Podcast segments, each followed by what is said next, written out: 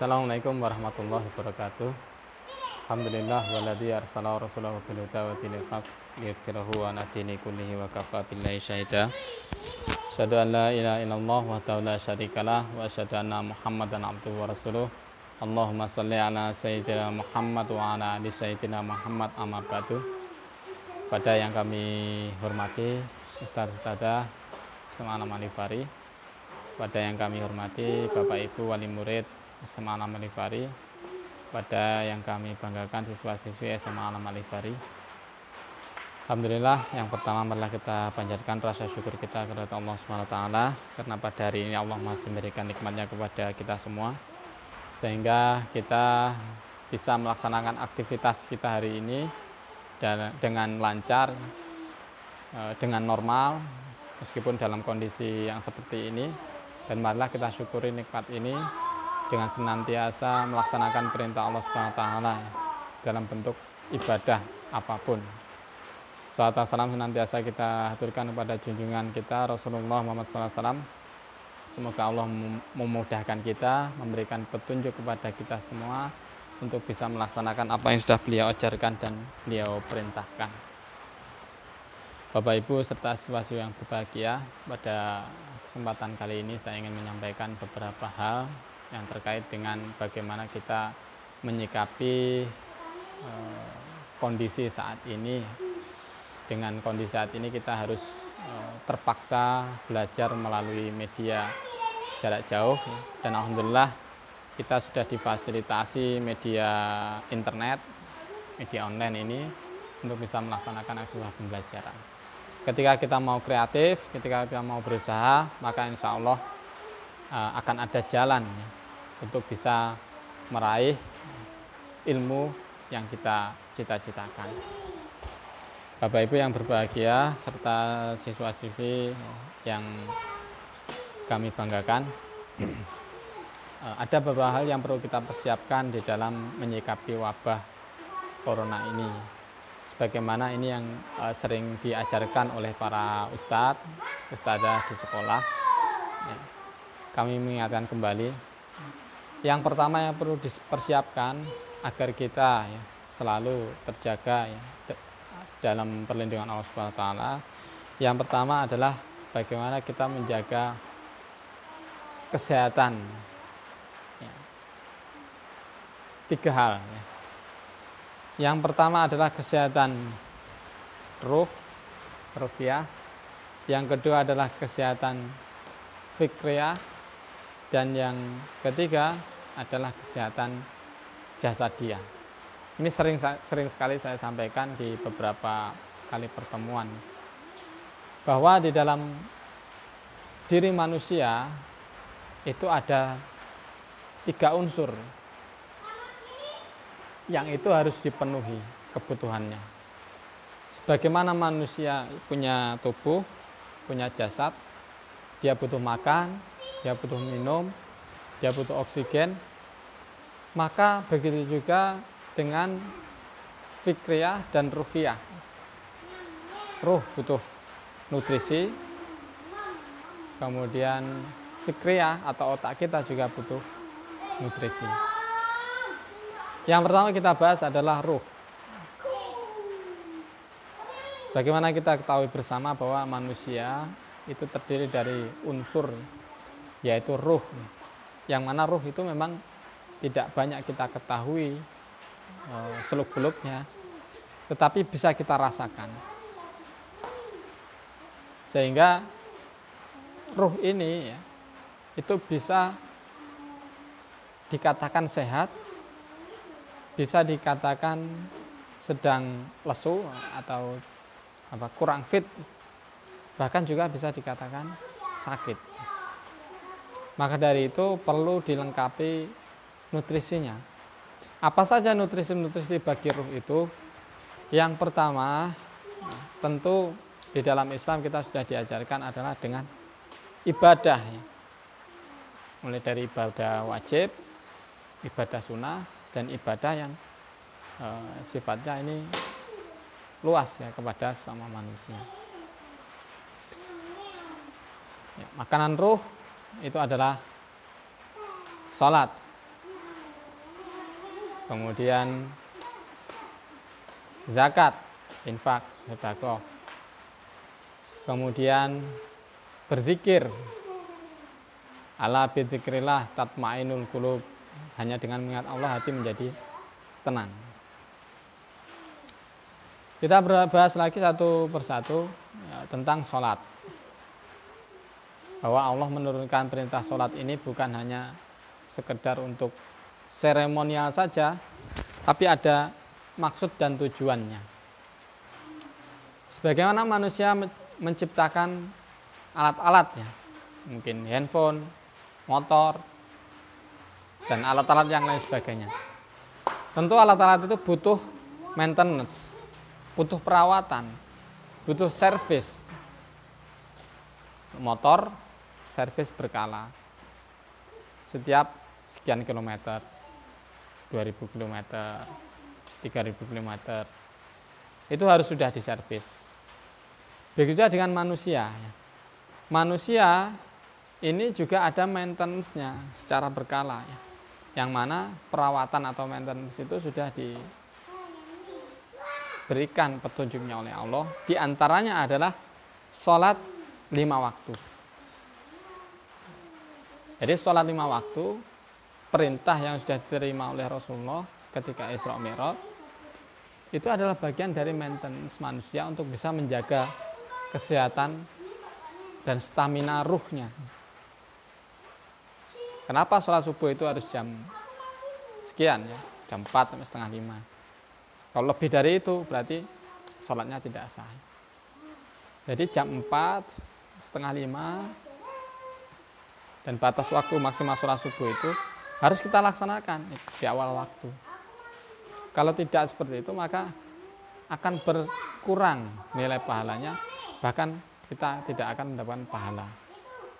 Dan kita mendapatkan dosa yang besar. Kemudian sholat duhur jam sekian, sholat asar jam sekian, sholat maghrib jam sekian, sholat isya juga jam sekian. Itu sudah diatur dan di uh, kelola ya, oleh Allah kepada di, disampaikan kepada manusia supaya manusia ini memiliki kesehatan ruhiyah, ketentraman batin. Jadi sholat itu menjadi indikator utama bagi kesehatan ruh yang mana nanti akan mempengaruhi kesehatan-kesehatan yang lain pikiran, fisik, dan lain-lain bahkan akan berpengaruh kepada aktivitas manusia pada orang-orang di sekitarnya kepada makhluk-makhluk yang ada di sekitarnya kenapa sholat subuh itu dilaksanakan jam 4 tidak dilaksanakan jam 7 kan enak ya kita sarapan dulu, mandi dulu, terus sholat subuh. Kenapa harus jam 4? Jam 4 itu kan waktu yang nggak enak. Setengah lima itu waktu yang nggak enak. Waktu yang masih nyaman untuk tidur kita berselimut. Itu waktu yang sangat sulit. Waktu yang nyaman bagi manusia untuk tidur. Tapi Allah perintahkan itu di waktu-waktu yang tidak enak. Tentu ada hikmahnya. Salah satu dalilnya adalah bahwa ketika manusia itu memahami atau mengetahui bagaimana luar biasanya manfaat dari sholat subuh, besarnya pahala sholat subuh, maka manusia itu pasti akan mendatanginya meskipun dengan merangkak. Itu luar biasa sekali. Bahkan Rasulullah pada saat itu juga pernah e, menegur persahabat yang tidak melaksanakan sholat subuh ke masjid itu dengan teguran yang sangat keras yaitu akan dibakar rumahnya. Tentu ini ada hikmah yang sangat luar biasa dari sholat subuh berjamaah itu, teman-teman. Nah, dan sholat subuh berjamaah ini menjadi indikator kehidupan kita ya, selama satu hari yang melaksanakan sholat subuh berjamaah diiringi dengan dua rakaat sebelumnya maka itu lebih baik dari dunia seisinya. Dan selama satu hari itu, ya, ketika dia sholat subuh berjamaah, maka malaikat itu akan menaunginya. Allah akan memberikan perlindungan kepadanya. Kalau Allah sudah memberikan perlindungan, siapa yang bisa mengganggu? Tidak ada. Tidak ada yang bisa mengganggu.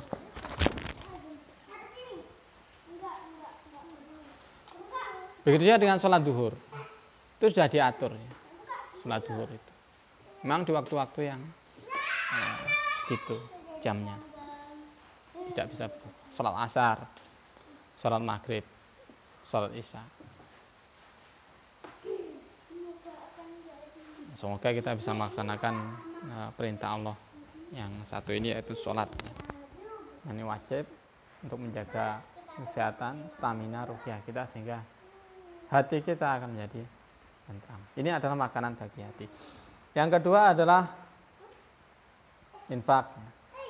Ini momen-momen yang bagus ya saat ini di bulan Syakban. Yang mulia ini kita masih punya waktu kurang lebih 10 hari. Kalaulah kita manfaatkan untuk bisa mengumpulkan dana kita ya, tidak hanya untuk sekedar kebutuhan kita sendiri tapi kita juga untuk berbagi kepada orang-orang yang ada di sekitar kita. Apalagi di tengah wabah seperti ini banyak teman-teman kita saudara-saudara kita yang lain yang mereka membutuhkan uluran tangan kita ya. Kalau punya dana yang kecil apa diinfakkan kemudian kalau punya dana yang besar berikan saja. Alhamdulillah. Semua akan ada manfaatnya dan akan ada balasan dari Allah Subhanahu wa taala. Insya Allah harta yang akan diinfakkan itu akan dilipat gandakan oleh Allah. Dan tidak ada ceritanya orang yang berinfak itu kemudian menjadi miskin, nggak ada ceritanya. Yang ada adalah semakin bertambah, bertambah ya. Setiap satu bulir yang kita infakkan maka dia akan tumbuh tujuh bulir. Kemudian masing-masing cabang akan tumbuh lagi semakin banyak, semakin banyak. Dan tidak akan berkurang. Yang ketiga adalah berzikir. Allah bidzikrillah tatmainul qulub. Hanya dengan mengingat Allah hati menjadi tenang. Di tengah wabah, mungkin teman-teman, Bapak Ibu banyak berada di depan HP, depan handphone untuk mengakses informasi. Dan saking banyaknya informasi, mungkin informasi-informasi negatif itu yang masuk kepada otak kita, itu sebenarnya bisa mengganggu pikiran kita. Bisa membuat orang e, pikiran kita menjadi tertekan ya, atau stres. Karena terlalu banyak menelan informasi-informasi yang negatif. Itu sebenarnya seperti makanan yang tidak ada nilai gizinya. Atau bahkan bisa menjadi racun bagi otak kita. Sehingga itu bisa menjadikan eh, tekanan-tekanan yang berat ya, di dalam pikiran kita. Maka itu e, kuncinya adalah tadi ya dengan berzikir ya selalu mengingat Allah ya. Dan zikir terbaik itu adalah zikir Al-Quran ya. Membaca Al-Quran sebanyak-banyaknya, tilawah, murojaah, menghafal, mengulang-ulang bacaan Al-Quran.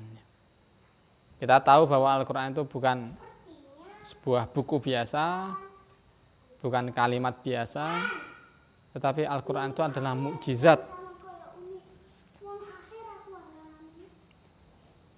Sayyid Qutub Rahimahullah menyampaikan Al-Quran ya, orang-orang yang berinteraksi dengan Al-Quran itu akan merasakan kenikmatan.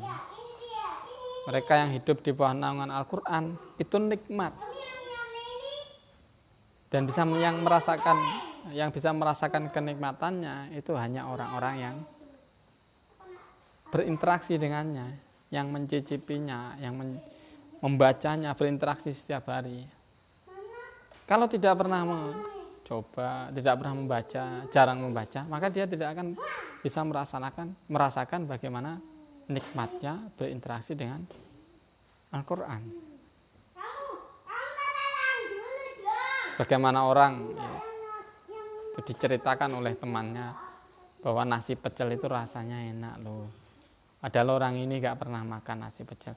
Bagaimana dia, dia bisa merasakan nikmatnya nasi pecel kalau dia tidak makan memakannya secara langsung nggak ada ceritanya seperti jadi kalau kita ingin merasakan bagaimana nikmatnya berinteraksi dengan Al-Quran lezatnya berinteraksi dengan Al-Quran maka kita harus memperbanyak interaksi dengannya.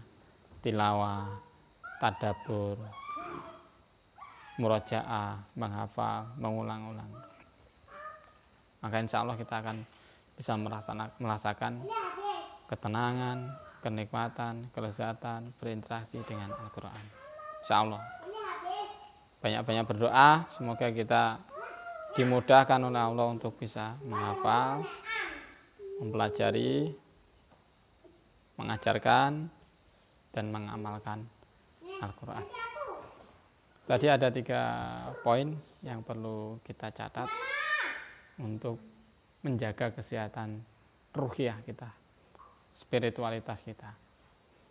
Pertama adalah sholat tertib, diusahakan di awal waktu, kemudian berinfak, mulai dari yang terkecil, sesuai dengan apa yang dimiliki banyak itu lebih baik.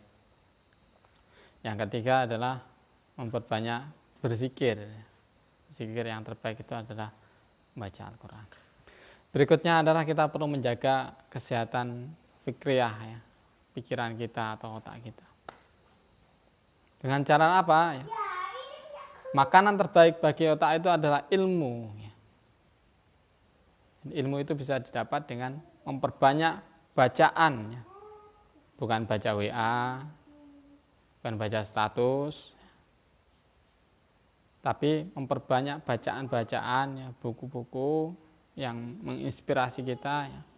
Buku-buku islami buku-buku motivasi buku-buku yang bisa memberikan energi positif kepada pikiran kita ya usahakan dikurangi membaca status-status. Menjaga komentar-komentar melihat komentar-komentar yang negatif. Karena itu bisa mengurangi ya, kesehatan pikiran kita. Bahkan bisa membuat pikiran kita menjadi sakitnya komentar-komentar negatif orang lain kemudian eh, status-status yang itu isinya keluhan-keluhan, isinya berita-berita buruk, berita-berita hoak, ujaran-ujaran kebencian. Ini bisa mengurangi kesehatan dari pikiran kita. Hindari itu ya. Kalau mau ada lewat depan mata kita ya, lewat e, terdengar oleh telinga kita, maka segera jauhi. Karena itu tidak produktif ya, bahkan mengurangi produktivitas kita baca buku-buku yang baik tentang wirausaha, tentang motivasi, tentang uh, biografi tokoh-tokoh mereka yang berusaha untuk uh, berjuang di dalam hidup ini. Dan masih banyak buku-buku yang lain yang bisa kita uh, masukkan ke, ke dalam pikiran kita sehingga pikiran kita ini menjadi semakin tumbuh, berkembang, punya inisiatif, kreativitas, inovasi untuk bagaimana kita bisa berpikir tentang karya-karya apa yang ini kita persembahkan untuk masyarakat, ya, untuk agama kita. Yang berikutnya kita tentu juga harus menjaga kesehatan jasad dia, ya, yaitu kesehatan fisik. Ya. ya ini yang sudah banyak kita ketahui ya kesehatan fisik itu dijaga dengan berolahraga, makan makanan yang bergizi. Di tengah wabah seperti ini, di tengah kita dihimbau untuk tetap di rumah, maka kita perlu uh, juga memperhatikan fisik kita dengan berolahraga ringan di dalam rumah boleh setelah pagi hari sholat subuh kemudian kita bisa keluar rumah sekaligus untuk berjemur ya. Mencari cahaya matahari pagi yang ini bisa memberikan energi bagi kehidupan ya, utamanya bagi kita manusia. Sambil mungkin berjalan kaki lari-lari kecil atau beraktivitas bersih-bersih halaman rumah. Kemudian kita bisa meng, sampai mengeluarkan keringat. Itu bagus bagi tubuh ya. Tidak perlu jauh-jauh sekitar rumah saja. Kemudian juga memperhatikan makan makanannya dalam kondisi seperti ini ya kita juga harus memperhatikan makanan-makanan kita ya. menghindari makanan-makanan yang diolah terlalu banyak olahan tepung menghindari minyak. Diusahakan ya. Kita berusaha memang itu enak ya. Tapi jangan terlalu banyak.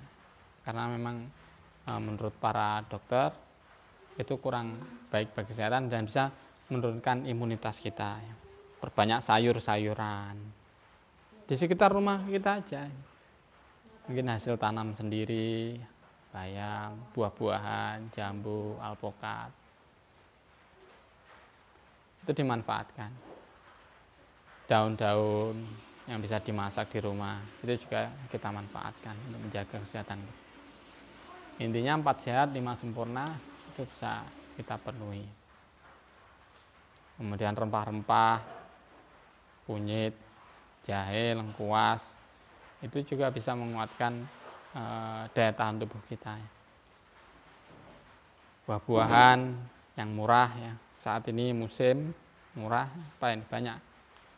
Jeruk buah naga sudah lewat. E, kemudian pisang juga bagus bagi tubuh kita ya. Baik itu teman-teman. Ini ada tiga poin tadi yang harus kita jaga di dalam kondisi-kondisi seperti ini. Yang pertama tadi ruhyah yang kedua jasadiah dan fikriyah. Ruh kita jiwa kita harus kita jaga kesehatannya hati kita kemudian pikiran kita dan fisik kita ini harus uh, dalam kondisi yang fit supaya kita bisa bertahan nanti sampai kondisi ini benar-benar stabil ya. Virus corona covid-19 ini bisa selesai dan tuntas. Demikian apa yang saya sampaikan. Semoga ini bisa memberikan manfaat bagi kita semua. Eh, selamat belajar di rumah. Semoga Allah memudahkan semua urusan kita dan urusan kalian semua dan cita-cita kalian bisa tercapai. Amin amin ya rabbal alamin. Aku lu qouli hadza fastaghfirullaha wa lakum. Assalamualaikum warahmatullahi wabarakatuh.